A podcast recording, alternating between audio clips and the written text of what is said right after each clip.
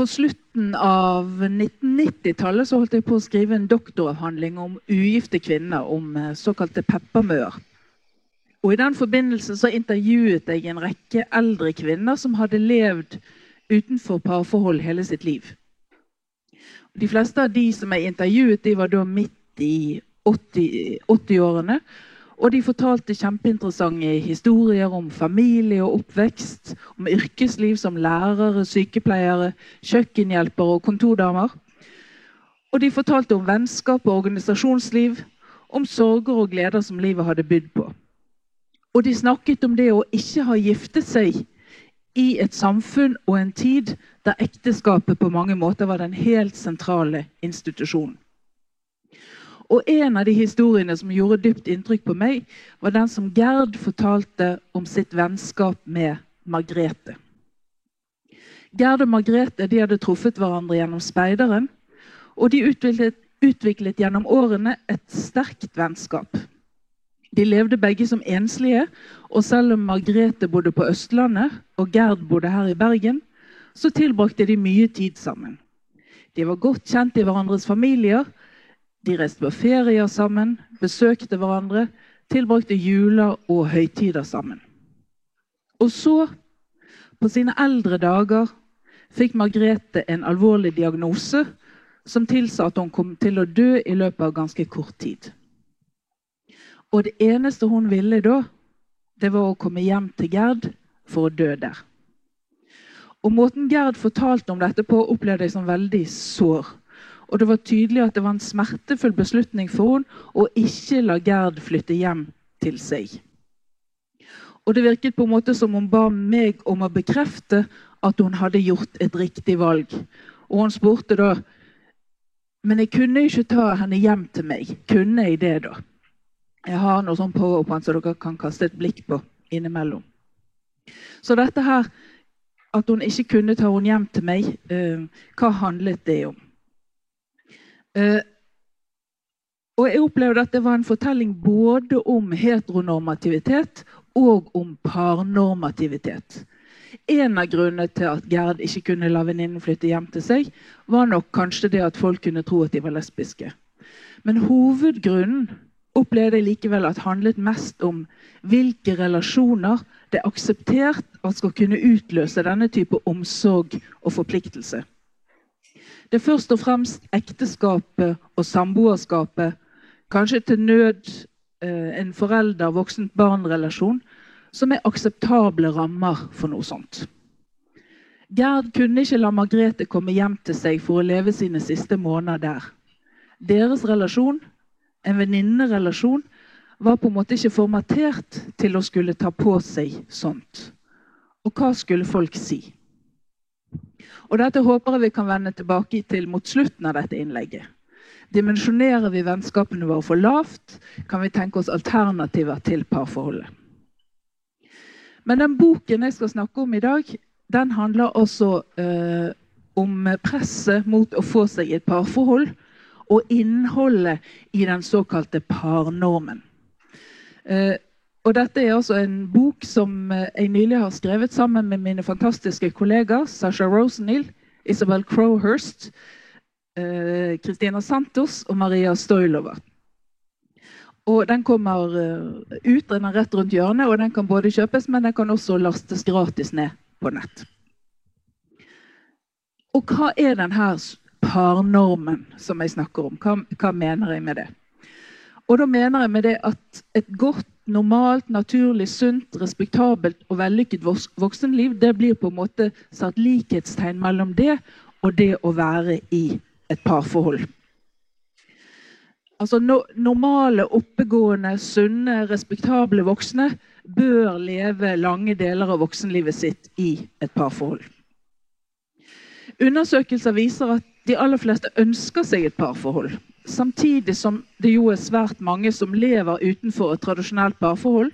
Enten som single, som særboer, som lesbiske homofile eller i ulike typer kollektiver. Og det er disse fire kategoriene vi har undersøkt i eh, denne boken. Og vi har intervjuet folk i fire forskjellige land eh, som alle må forholde seg til, at de lever i utakt med forestillingen om en konvensjonell familie. I utakt med normen om parforholdet med stor P. Og De fire landene som vi har undersøkt, det er da Norge, sant, som er sosial sosialdemokratisk velferdsstat. Portugal, som både har vært fascistisk diktatur og katolsk land. Eh, Bulgaria, postkommunistisk land og Storbritannia som en senliberal velferdsstat. Så det er fire ganske forskjellige land der vi har forsøkt å finne ut ja, hvordan er det å leve i disse fire forskjellige landene. Og hvordan har på en måte historien vært i disse landene i forhold til å uh, få folk til å leve i parforhold. Men parnormen med stor P, hva er det den inneholder, da? For det er jo ikke bare det at man må være i parforhold, men det er òg spesielle måter å være i parforholdet på. Og da tenker vi at sånn som det ser ut eh, for oss, det er at parforholdet bør være basert på romantisk kjærlighet. Det er superviktig. Eh, det bør være seksuelt. Det bør være monogamt. Det bør være eh, langvarig, kanskje til og med livslangt. Partene bør bo sammen. Det bør produseres barn, og det bør baseres på noenlunde likhet, f.eks. For i forhold til alder og klasse og etnisitet og sånne ting. Uh, dette her er selvfølgelig ikke konstante ting, men sånn er på en måte noen av, av uh, hovedoppfatningen om hva et parforhold skal være i dag, blant mange av de vi har uh, snakket med, og mange av de på en måte rammene som vi har studert i disse fire landene. Og I noen av de kontekstene som vi har undersøkt, så står normen om at paret skal bestå av to ulike kjønn, står fremdeles sterkt. Altså heteroseksualitet. Men som vi vet, i majoritetskulturen i Norge har det skjedd enorme endringer på dette feltet i løpet av de siste 20-30 årene. Så nå kan i stor grad også lesbiske og homofile innlemmes i forestillingen om det gode parforholdet. Arrangerte ekteskap er normen i noen grupper i samfunnet. Og En av historiene som jeg skal komme tilbake igjen til senere, handler om et sånt parforhold. Og Selv om arrangerte ekteskap og fornuftsekteskap regnes som feil av majoritetssamfunnet, så vil en del hevde at dagens nettdating med sine lister over godtatte utseender og egenskaper i stor grad framstår som fornuftsekteskap. Og vi har jo også TV-serier som 'Gift med første blikk'. Der psykologer og andre eksperter forsøker å matche de som passer best sammen, basert på undersøkelser og statistikker. Og det er jo da selvfølgelig arrangerte ekteskap i veldig bokstavelig forstand. I løpet av de siste tiårene har det jo også dukket opp grupper som tar til orde for polyamori og aseksualitet som akseptable livsformer. Foreløpig framstår det kanskje som ganske marginale røster. Selv om veldig mange av oss kanskje har flere partnere eller lever i aseksuelle forhold. Og Det er jo noe av det som er så paradoksalt i hele prosjektet vårt. At parnormen i så, stor, eh, så sterk grad består, selv om tiden går og samlivsformer, kirkens stilling, juridiske reguleringer og andre ting har endret seg dramatisk. Sånn? Parnormen er fremdeles så utrolig sterkt, til tross for at samfunnet har endret seg så mye. Eh, det er ikke bare parnormen som påvirker våre valg og muligheter når det gjelder intimitet og relasjoner. Kjønnsnormen er en annen norm. Forestillingen om at kvinner og menn er helt ulike, men komplementære, er også en viktig premissleverandør her. Og for de av dere som har lest Geir Gulliksen sin uh, nyeste roman, så vil dere der se en interessant utforsking av nettopp dette, uh, denne tematikken. Heteronormen og reproduksjonsnormen har jeg allerede nevnt. Og reproduksjonsnormen, altså at uh, alle, iallfall kvinner, helst bør få barn, står fremdeles så sterkt at det nærmest blir tatt som en selvfølge av mange.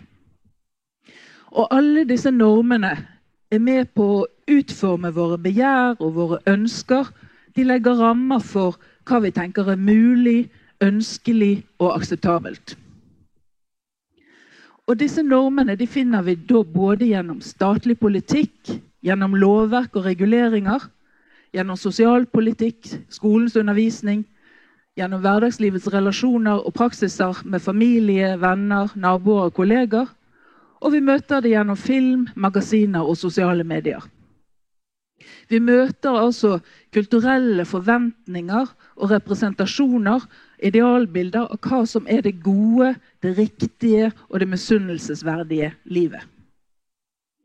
Å avvike fra det kulturen presenterer som den gode normen, kan medføre både sanksjoner, eh, sanksjoner fra en sjøl, som skam og mindreverdighetsfølelse, eller eksterne sanksjoner gjennom direkte kritikk eller straff for avviket som du representerer.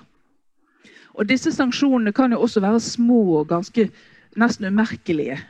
Eh, vi kan se for oss både sukk og medlidende smil, eh, taushet og et evig mas da, om at du ikke har funnet deg en kjæreste.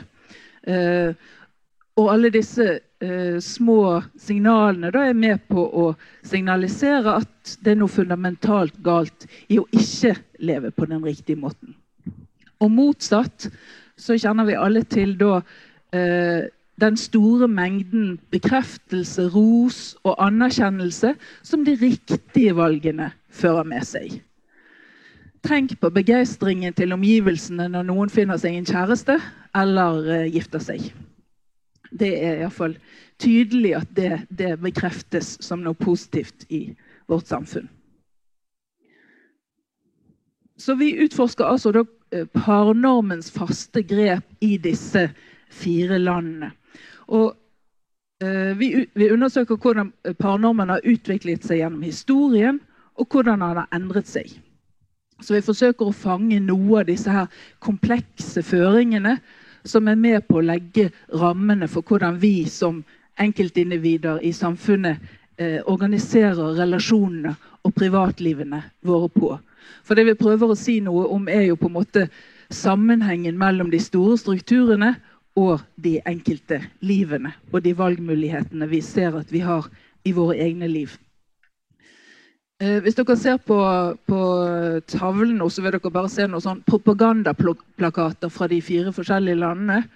Her er fra Bulgaria fra 1945. Her er det paret som står i sentrum eh, for den kommunistiske revolusjonen. Eh, Portugal ligner veldig på den, eh, her den fascistiske Portugal ligner, og katolske Portugal, som ligner veldig på det kommunistiske Bulgaria. Og her er det mer fra eh, Portugal. Eh, Gud, nasjonen og familien. Kjernen i eh, Salazars regime. Her har vi Storbritannia fra 1959. 'Life is better with the conservatives'. Her har vi da kjernefamilien i midten. 'Don't let Labour ruin it'. Eh, og så har vi da flotte plakater fra Norge i etterkrigstiden. Arbeidernes ungdomsfylking eh, og Arbeiderpartiet med paret i midten. Og her er den flotte plakaten fra 1947 fra Det norske Arbeiderparti. Nye, gode år. Her er også paret og kjernefamilien i fokus. Det er de som skal bringe framtiden og lyset til Norge.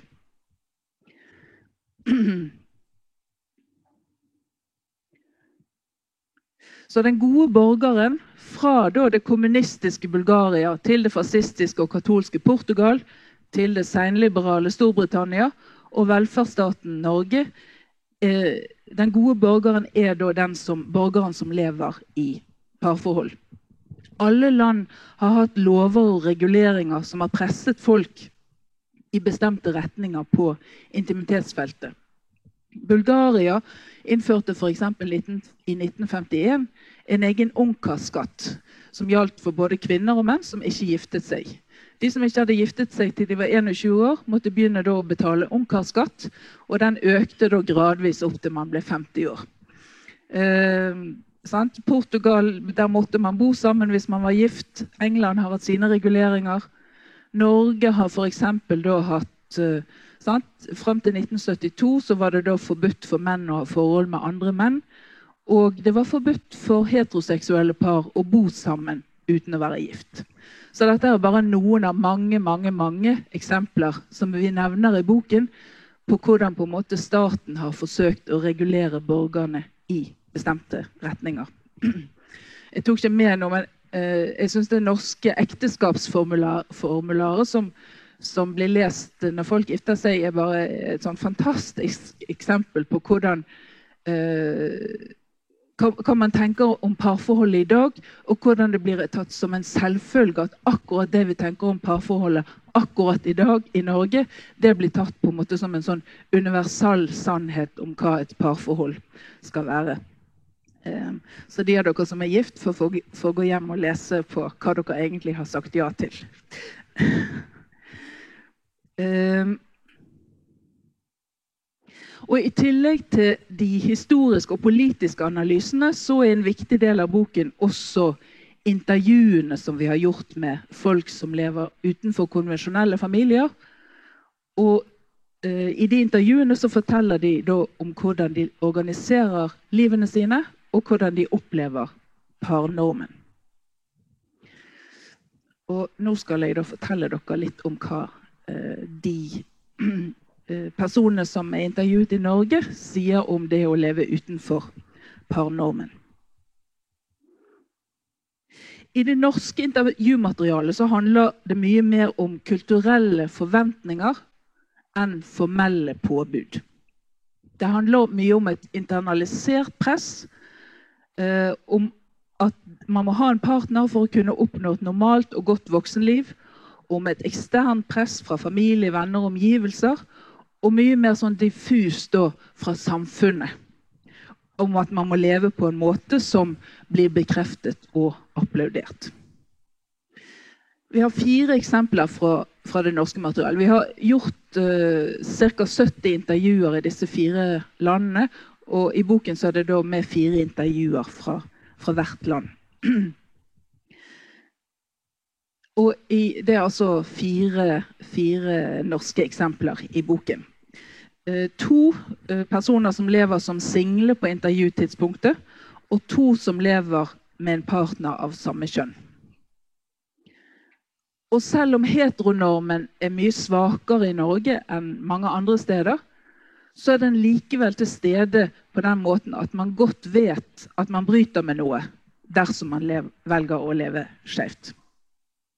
Og det å bryte med normen det fører jo ofte til en større bevissthet om at slike normer finnes, og hva de inneholder.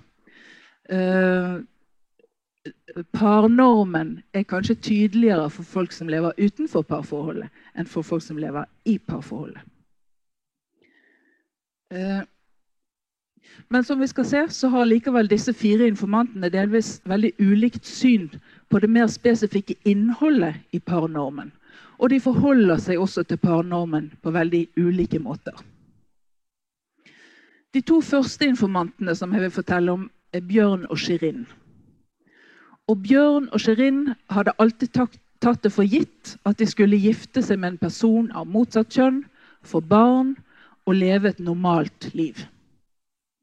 Shirin, som har norsk-pakistansk bakgrunn, hun giftet seg gjennom et arrangert ekteskap da hun var i slutten av tenårene. Og Bjørn traff sin kone i studietiden og giftet seg så snart de var ferdig med studiene. Begge fulgte altså normene i sine miljøer. Og både Shirin og Bjørn fikk to barn med sine ektefeller før skilsmissen rammet de begge. Og for både Shirin og Bjørn så var skilsmissen den store katastrofen i livet. Bjørn forteller og når jeg giftet meg, så var jo idealet for min familie at jeg selvfølgelig skulle bli gammel sammen med og dø i ekteskap med min kone. Jeg vet ikke helt i hvilken grad jeg hadde tenkt over det, da, men det var bare sånn det var. Jeg hadde aldri tenkt på at jeg skulle skille meg på noe som helst tidspunkt. Og jeg har sagt til kolleger og venner at jeg skal spise utrolig mange kameler før jeg vil mine barn så vondt at de skal bli skilsmissebarn i en sånn forståelse av at det å være skilsmissebarn er en katastrofe, og det er omtrent som å gjøre de til sprøytenarkomane. Eh, og Bjørn snakker mye om det som han kaller for intakte familier. Og han snakker mye om sorgen og nederlaget som han føler ligger i det at han ikke klarte å holde sin egen familie intakt. Og jeg siterer igjen. Noe av det tøffeste i forbindelse med min egen skilsmisse er det at jeg ikke lenger at jeg ikke klarte å stå løpet mot idealet som har vært for meg, og som jo fortsatt henger i i samfunnet. Og det idealet er den intakte familie. Både Bjørn og Sherin hadde hatt problemer i ekteskapene sine, og begge forsøkte å fikse dem. Eh, de prøvde å leve opp til idealet om hva et parforhold skal og bør være. Og parallelt med et sånt ideal om romantisk kjærlighet, om sterk lidenskap og kjemi, så finnes òg en forestilling om at kjærlighet krever hardt arbeid. Sant? Dere kjenner igjen. Sant? Her har vi liksom to ulike fortellinger som vi alle forholder oss til. Eh, litt eh, romantisk kjærlighet og person, og, og litt hardt arbeid. Og så må vi på en måte balansere mellom de to. Og Bjørn han tilnærmet seg på mange måter ekteskapet som et arbeidsprosjekt. Han leste masse selvhjelpslitteratur, inviterte på romantiske weekendturer og initierte parterapi. Han jobbet virkelig med forholdet, men allikevel så gikk det ikke. Og jeg siterer igjen. Det å så ikke få til familieprosjektet da, er for meg forbundet med skam på et eller annet vis. Jeg vet ikke Ja, altså ikke lykkes, da. Fiasko. Samlivsfiasko. Liksom livsprosjektet ekteskap, det gikk ikke for meg. Og det tror jeg er litt som å tape en konkurranse. Og det kan nok også være skammelig. Men det å ikke få til dette man har lagt an på Andre får det til. Hvorfor klarer ikke jeg å få det til? Så dette her er Bjørn sin fortelling om sin skilsmisse. Og hva han tenkte et parforhold burde være. Og selv om Shirin hadde giftet seg gjennom et arrangert ekteskap, så var det viktig for henne at også romantisk kjærlighet skulle bli en del av forholdet på sikt.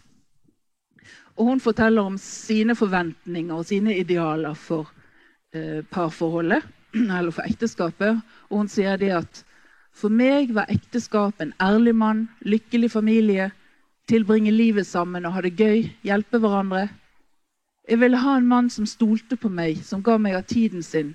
En mann som, en mann som elsket meg over himmel og jord, liksom.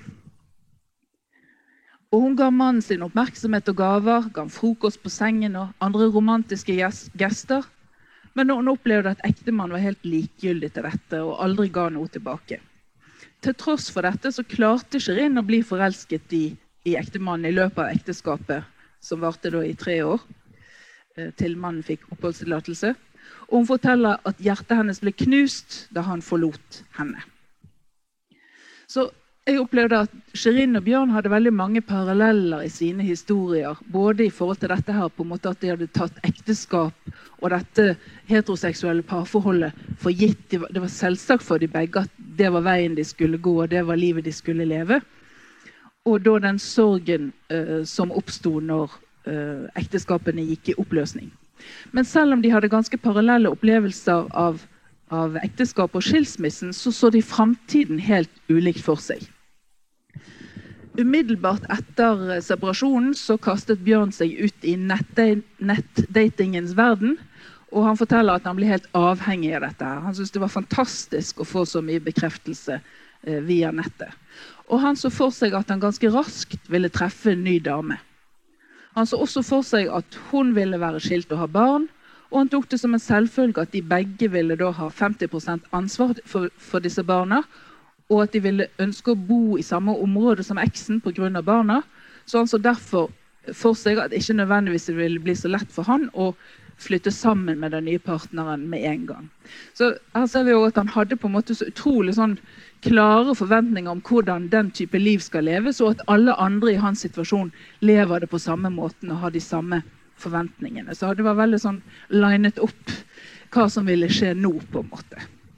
Eh, men for Shirin så var ikke dette like enkelt.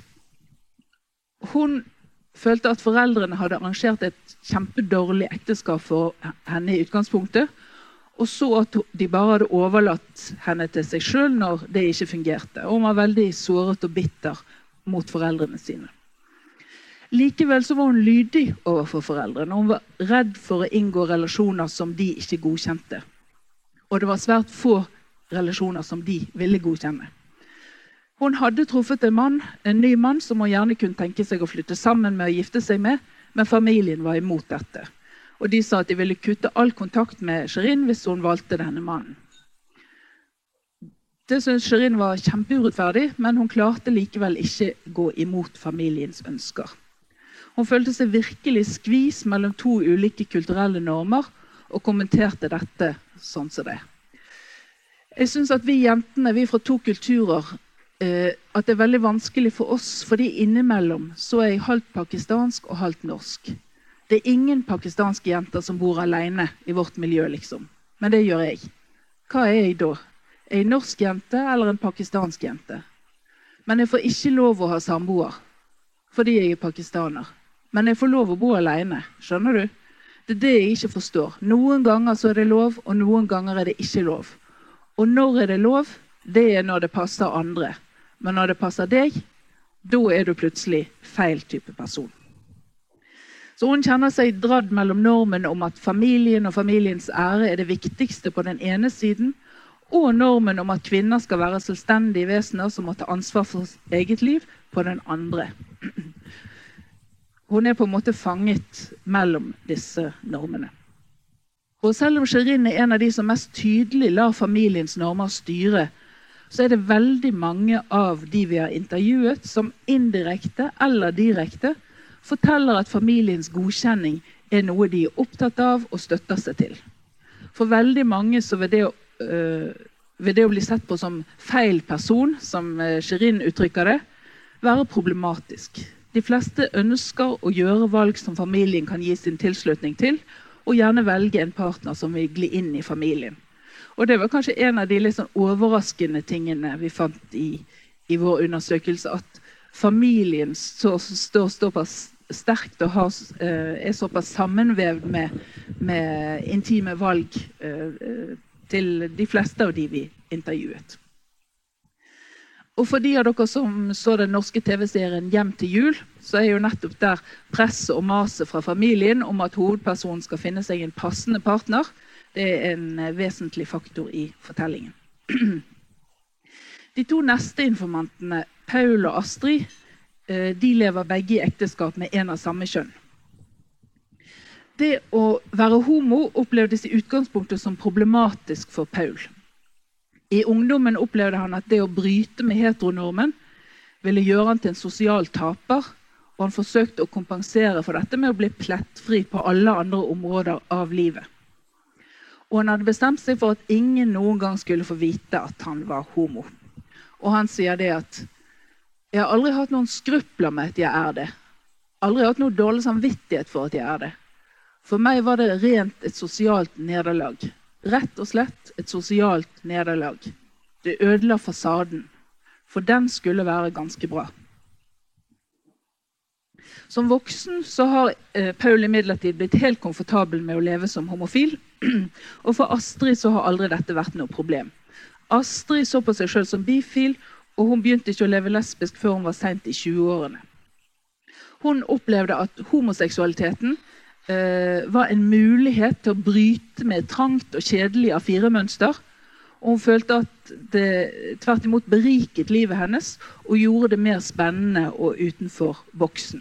Så det er altså mange måter å forholde seg til det å, å bryte med normen på. Det kan oppleves positivt og negativt. Både Paul og Astrid snakket om forventningene om monogami og romantisk kjærlighet som ligger innebakt i parnormen. Paul hadde levd lykkelig med sin partner i 30 år. Men i tillegg til partneren så hadde han et veldig aktivt sexliv med andre partnere. Og han sier det at Så jeg opplever egentlig at nordmenn, også homser, i utgangspunktet er veldig puritanske på det der med tilfeldig sex. Tilfeldig sex hos de som er i et forhold. Så jeg tror at en del av den kampen og det som skjer omkring partnerskapsloven og normaliseringa av oss homofile, det gjør at det er politisk korrekt, og det ultimate for homser det er å le leve i monogame parforhold. Så like heterofile parforhold som mulig. Og nå er de pinadø borti at vi skal ha barn òg. Og da er toppen av lykke det er sånn der dra til Amerika, få surrogatmor, og så to, eh, to unger osv. Så videre. sånn at homser har fra det å dyrke muligheten til fri sex og promiskuitet, og utnytte det som ligger i mannen der, til at vi har blitt sosialisert inn i at vi skal være mest mulig lik de andre. Jeg mener at Da har vi tapt noe av det som vi homser opplever som positivt. Sexen, promiskuiteten, som var opplevd som et gode for veldig mange. Det måtte vi ta bort. Og Paul har også synspunkter på hvorfor han mener, øh, han mener at lesber går så ofte fra hverandre, og han tror grunnen til det er, som han sier Lesbene de har det jo sånn der seriemonogamt. De blir jo litt sånn dramatiske. For der er det veldig viktig med monogamiteten. Men de har sluttet å ha sex, de, da. Så de blir venninner. Og så er hun ene borte og forelsker seg, og så blir det Og da blir det bare å kaste henne rett ut. Så det er hans teori, da. Eh, og hans eh, Han har også sterke, sterke meninger om, om forskjeller mellom kvinner og menn. Eh,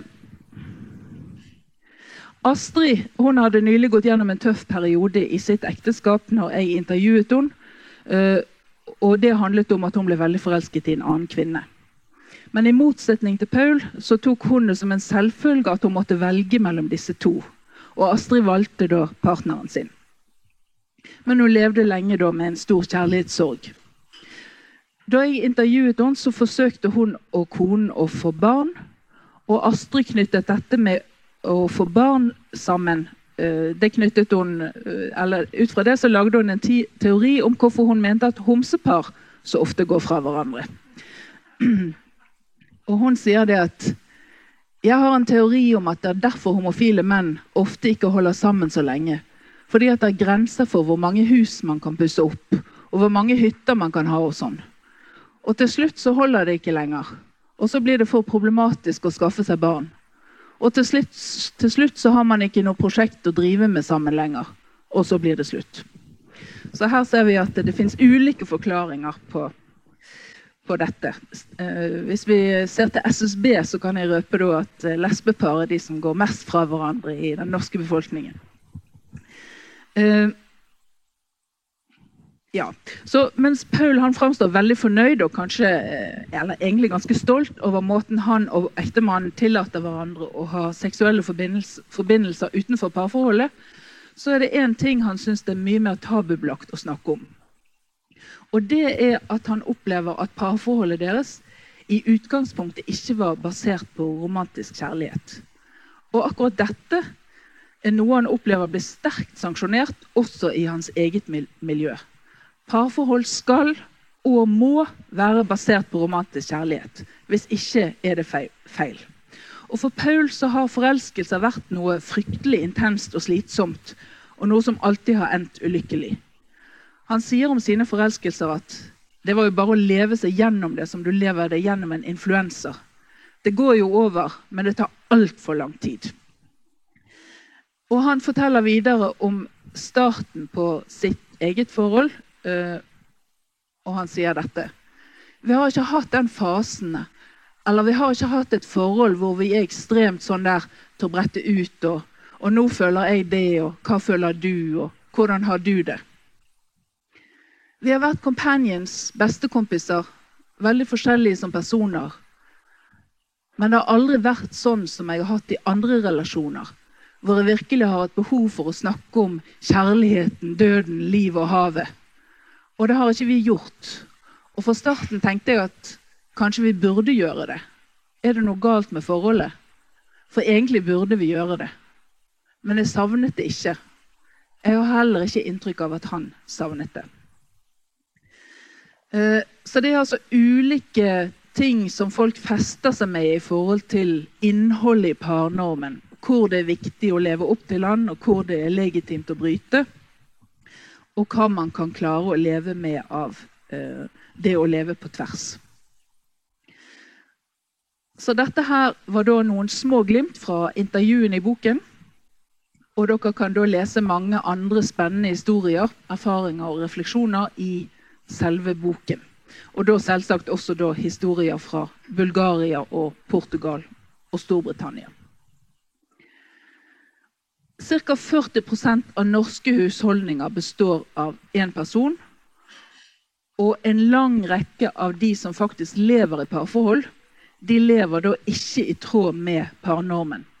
De har kanskje ikke sex, de er kanskje ikke monogame, de bor kanskje ikke sammen, og forholdet er kanskje ikke basert på romantisk kjærlighet.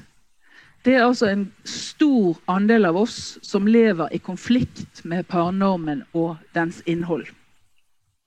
Likevel så ser vi utrolig liten uttalt motstand mot normen. Det ser ut til at de fleste av oss bøyer seg ydmykt for denne normen, lengter mot parforholdet og anser at parforholdet tross alt er veien til det gode liv som vi alle ønsker oss. Og Vår bok forsøker da altså å undersøke og utforske hvor noe av dette her presset mot parforholdet kommer fra, og hvordan det er å leve under dette presset. Jeg tenkte at jeg skulle avslutte med to spørsmål til dere. Altså Det første Kan vi tenke oss at parforholdet og parnormen kan bli eh, kastet ned fra pidestallen, og at andre levemåter også kan få samme type anerkjennelse? Altså Kan vi se oss for, for oss at dette her parnormshierarkiet blir skiftet ut med en mer sånn likestilt modell? Sant? Her har vi da det monogame, langvarige, helst reproduktive parforholdet eh, basert på visse former for likhet, det er da helt klart på toppen. Seriemonogami det er nest best, er ikke det det? Og altså da også midlertidig singelliv. Mens polyliv, vennefamilier, permanent singelliv og annet rusk og rask, det er på en måte helt nede på bunnen. Dere må gjerne være uenige og komme med andre forslag til, til der, mens man kunne da tenkt seg at Singelliv, vennefamilier, polyliv, poliliv, seriemonogami og parforhold ble eh, mer likestilt. Kunne man tenke seg det? Eh, Iallfall så, så, så framstår det som litt underlig hvor liten kritikk det er mot parnormen når vi ser på hvor forskjellige liv folk faktisk lever. Og det andre spørsmålet til dere, som jeg håper dere kan eh, disse her vil jeg ha svar på før kvelden er omme. Eh, det andre spørsmålet er kan vi tenke oss at andre relasjoner kan oppfylle de behovene som parforholdet nå synes å ha monopol på å dekke. Og hva er det egentlig vi lengter etter når vi lengter etter parforholdet? Jeg gjorde en liten sånn eh, anket i mine nærmeste omgivelser. Og de svarte da at eh, det man eh, er på jakt etter i et parforhold, det er Forpliktelse, sex, en arbeidspartner, samarbeidspartner. Tilhørighet, trøst, et holdepunkt, nærhet, trygghet, kroppskontakt, omsorg, bekreftelse. Det å ha en medsammensvoren. Det å eh, ha noen å dele gleder og sorger med. Og alle disse tingene på denne slidesen her altså Strengt tatt så er jo dette ting som vi kan eh, få og gi uten å være en del av et parforhold. Er ikke det det, da? Er ikke det, er ikke det mulig å tenke seg det? um, så dette var altså noen små glimt fra dette prosjektet om uh, parnormen og livet under parnormen i fire forskjellige land i Europa. Uh, og så håper jeg at nå, kanskje noen har noen spørsmål, eller enda bedre svar på disse spørsmålene som jeg eh, stilte til dere. Kan og bør vi knuse parnormen? Svar meg på det. ja, det var det jeg hadde tenkt å si.